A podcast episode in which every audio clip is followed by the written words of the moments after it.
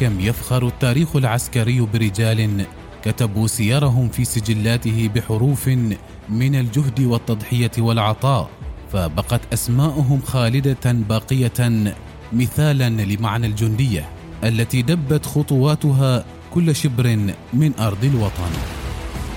برنامج جنود خلدهم التاريخ. برنامج أسبوعي. نتعرف من خلاله على قصص الجنود الذين ضحوا بحياتهم من أجل أوطانهم. برنامج تعده الفاضله منى جعبوب ويقدمه الرائد ركن محمد المشيخي.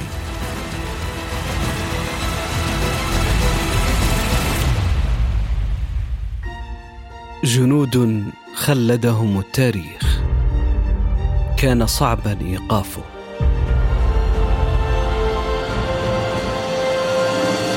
هجم على جيش كامل وقد خلع ملابسه ورمى درعه ليكون أخف وزنا. وقام الجندي الفارس في جيش المسلمين على فرسه يخترق الصفوف يضرب يمينا ويسارا. لقبه الروم بالشيطان العار الصدر لأنه نشر الرهبه في جيشهم بأكمله. يتهافت أبطال الروم عليك قائلين أوقفوا تقدم عاري الصدر ولكن لا أحد يوقفه. فمن يكون هذا الجندي الذي أخاف جيشا من أقوى الجيوش في ذلك الزمان؟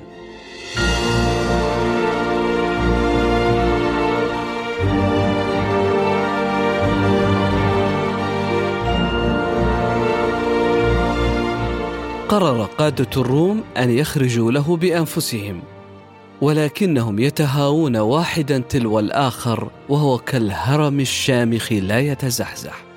حتى إذا أراد الرجوع تبعته كتيبة كاملة من جيش الروم بثلاثين مقاتلا تحاول القضاء عليه.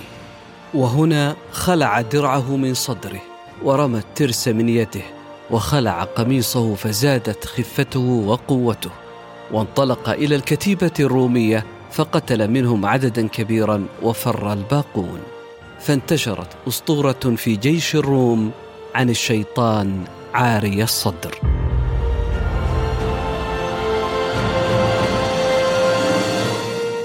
إنه ضرار بن الأزور واسمه مالك بن أوس الاسدي ولقد حدثت تلك الأحداث في معركة أجندين التي كانت في يوم السبت السابع والعشرين من جمادى الأولى من عام ثلاثة عشر للهجرة. وفيها واجه المسلمون جيش الروم المكون من مئة ألف مقاتل. وكان جيش المسلمين ثلاثة وثلاثين ألفا. نظم خالد بن الوليد جيشه فجعل على الميمنة معاذ بن جبل. وعلى الميسرة سعيد بن عامر وقسم قلب الجيش نصفين نصف للمشاة بقيادة أبي عبيدة وجعلهم في مؤخرة الجيش ونصف للخيل في المقدمة بقيادة سعيد بن زيد.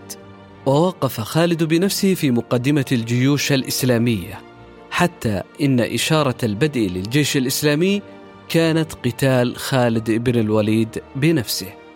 فلم يقاتلوا إلا عندما رأوه يحمل على القوم. إذا حملت على القوم فاحملوا.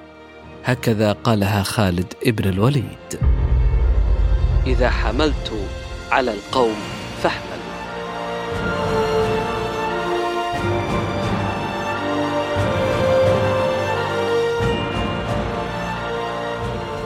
كما استخدم خالد سلاحا معنويا في هذه المعركة.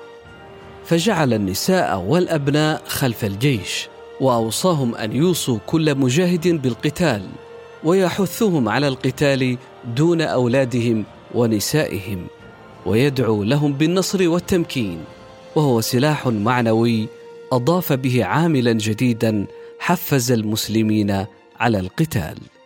كان خالد بن الوليد لا يهدأ في مكان حتى بدأ المعركة.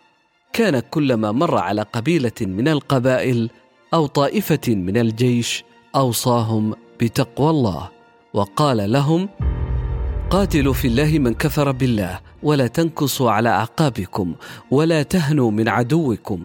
أقدموا كإقدام الأسد وأنتم أحرار كرام.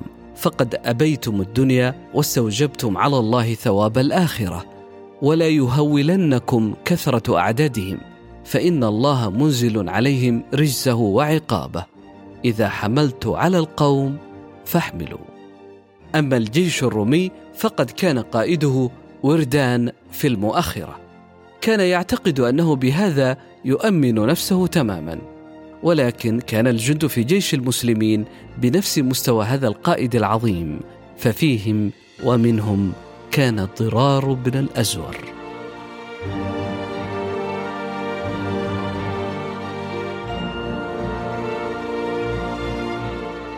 استمر ضرار في اختراق الصفوف إلى أن وصل إلى قائد الروم وردان. وعندما شاهده عرف من تلقاء نفسه أنه الشيطان عاري الصدر ودارت مبارزة قوية بينهما فاخترق رمح ضرار صدر وردان وأكمل سيفه المهمة وعاد برأس وردان إلى المسلمين. عندئذ انطلقت من معسكر المسلمين صيحات الله أكبر. لقد قتل ضرار بن الأزور قائد جيش الروم فانقلبت الأمور لصالح المسلمين بفضل الفارس العار الصدر ضرار ابن الأزور.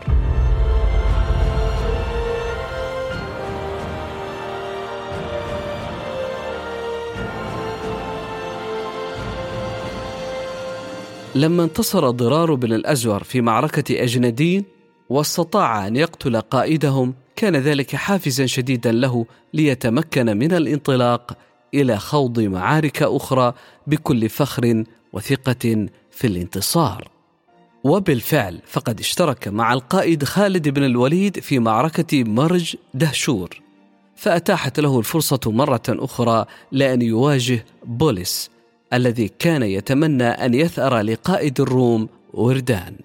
واستطاع ضرار أن يضع السيف فوق رأس بولس فأخذ بولس يصرخ ويلح على القائد خالد بن الوليد أن يخلصه من هذا الفارس. وطلب منه أن يقتل على يد خالد ولا يقتل على يد ضرار لشدة خوفه من أن يفعل به كما فعل بقائد الروم وردان. ورد خالد بن الوليد قائلا هو قاتلك وقاتل الروم.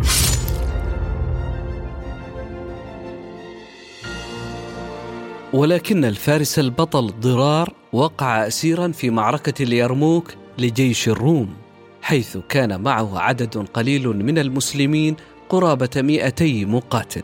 يحاولون معرفة أخبار العدو فإذا بحوالي عشرة آلاف من جيش الروم المسلحين بالأسلحة والسيوف ينقضون عليهم. فوقع ضرار أسيرا بين يدي الروم بعد أن بذل قصارى جهده.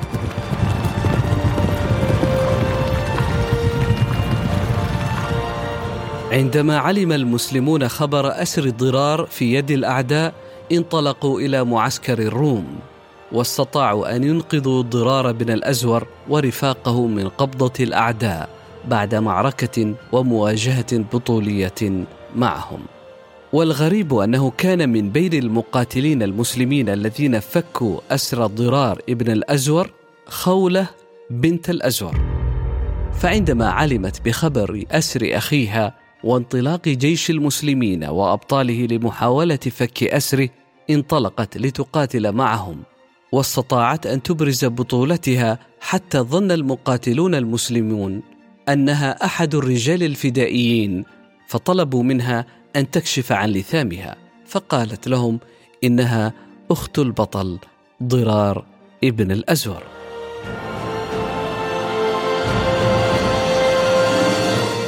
وبالفعل تمكن الأبطال من فك أسر ضرار ورفاقه. عرف عن ضرار أنه كان بطلا وفارسا وعرف عنه الثقة بالنفس وأنه لا يخاف الموت. لعل هذا من الأسباب التي جعلت القائد خالد بن الوليد يختاره ليكون قائد مهمة معركة اليرموك.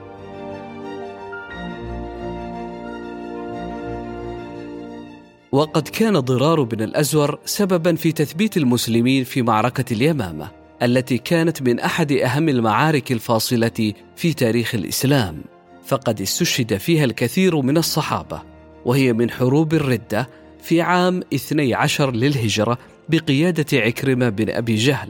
وقد قاتل هناك قتالا شديدا حتى أصيب في ساقيه الاثنتين ولكنه استكمل القتال على ركبتيه.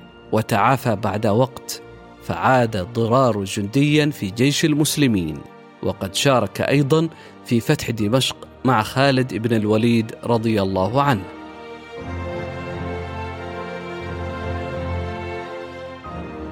ولقد كان الجندي الفارس ضرار بن الأزور أيضا شاعرا فهو القائل سأضرب في العلوج بكل عضب شديد البأس ذي حد صقيل وأضرب في علو الباب نارا وأرمي القوم بالخطب الجليل وأترك دارهم منهم خرابا ولم أمهل بذي شبح كفيل.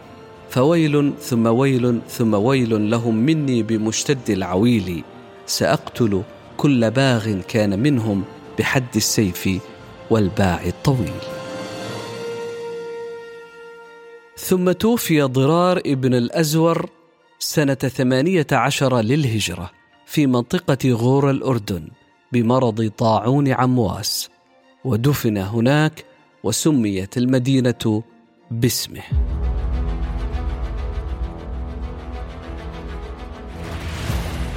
كم يفخر التاريخ العسكري برجال كتبوا سيرهم في سجلاته بحروف من الجهد والتضحية والعطاء فبقت اسماءهم خالدة باقية مثالا لمعنى الجندية التي دبت خطواتها كل شبر من أرض الوطن.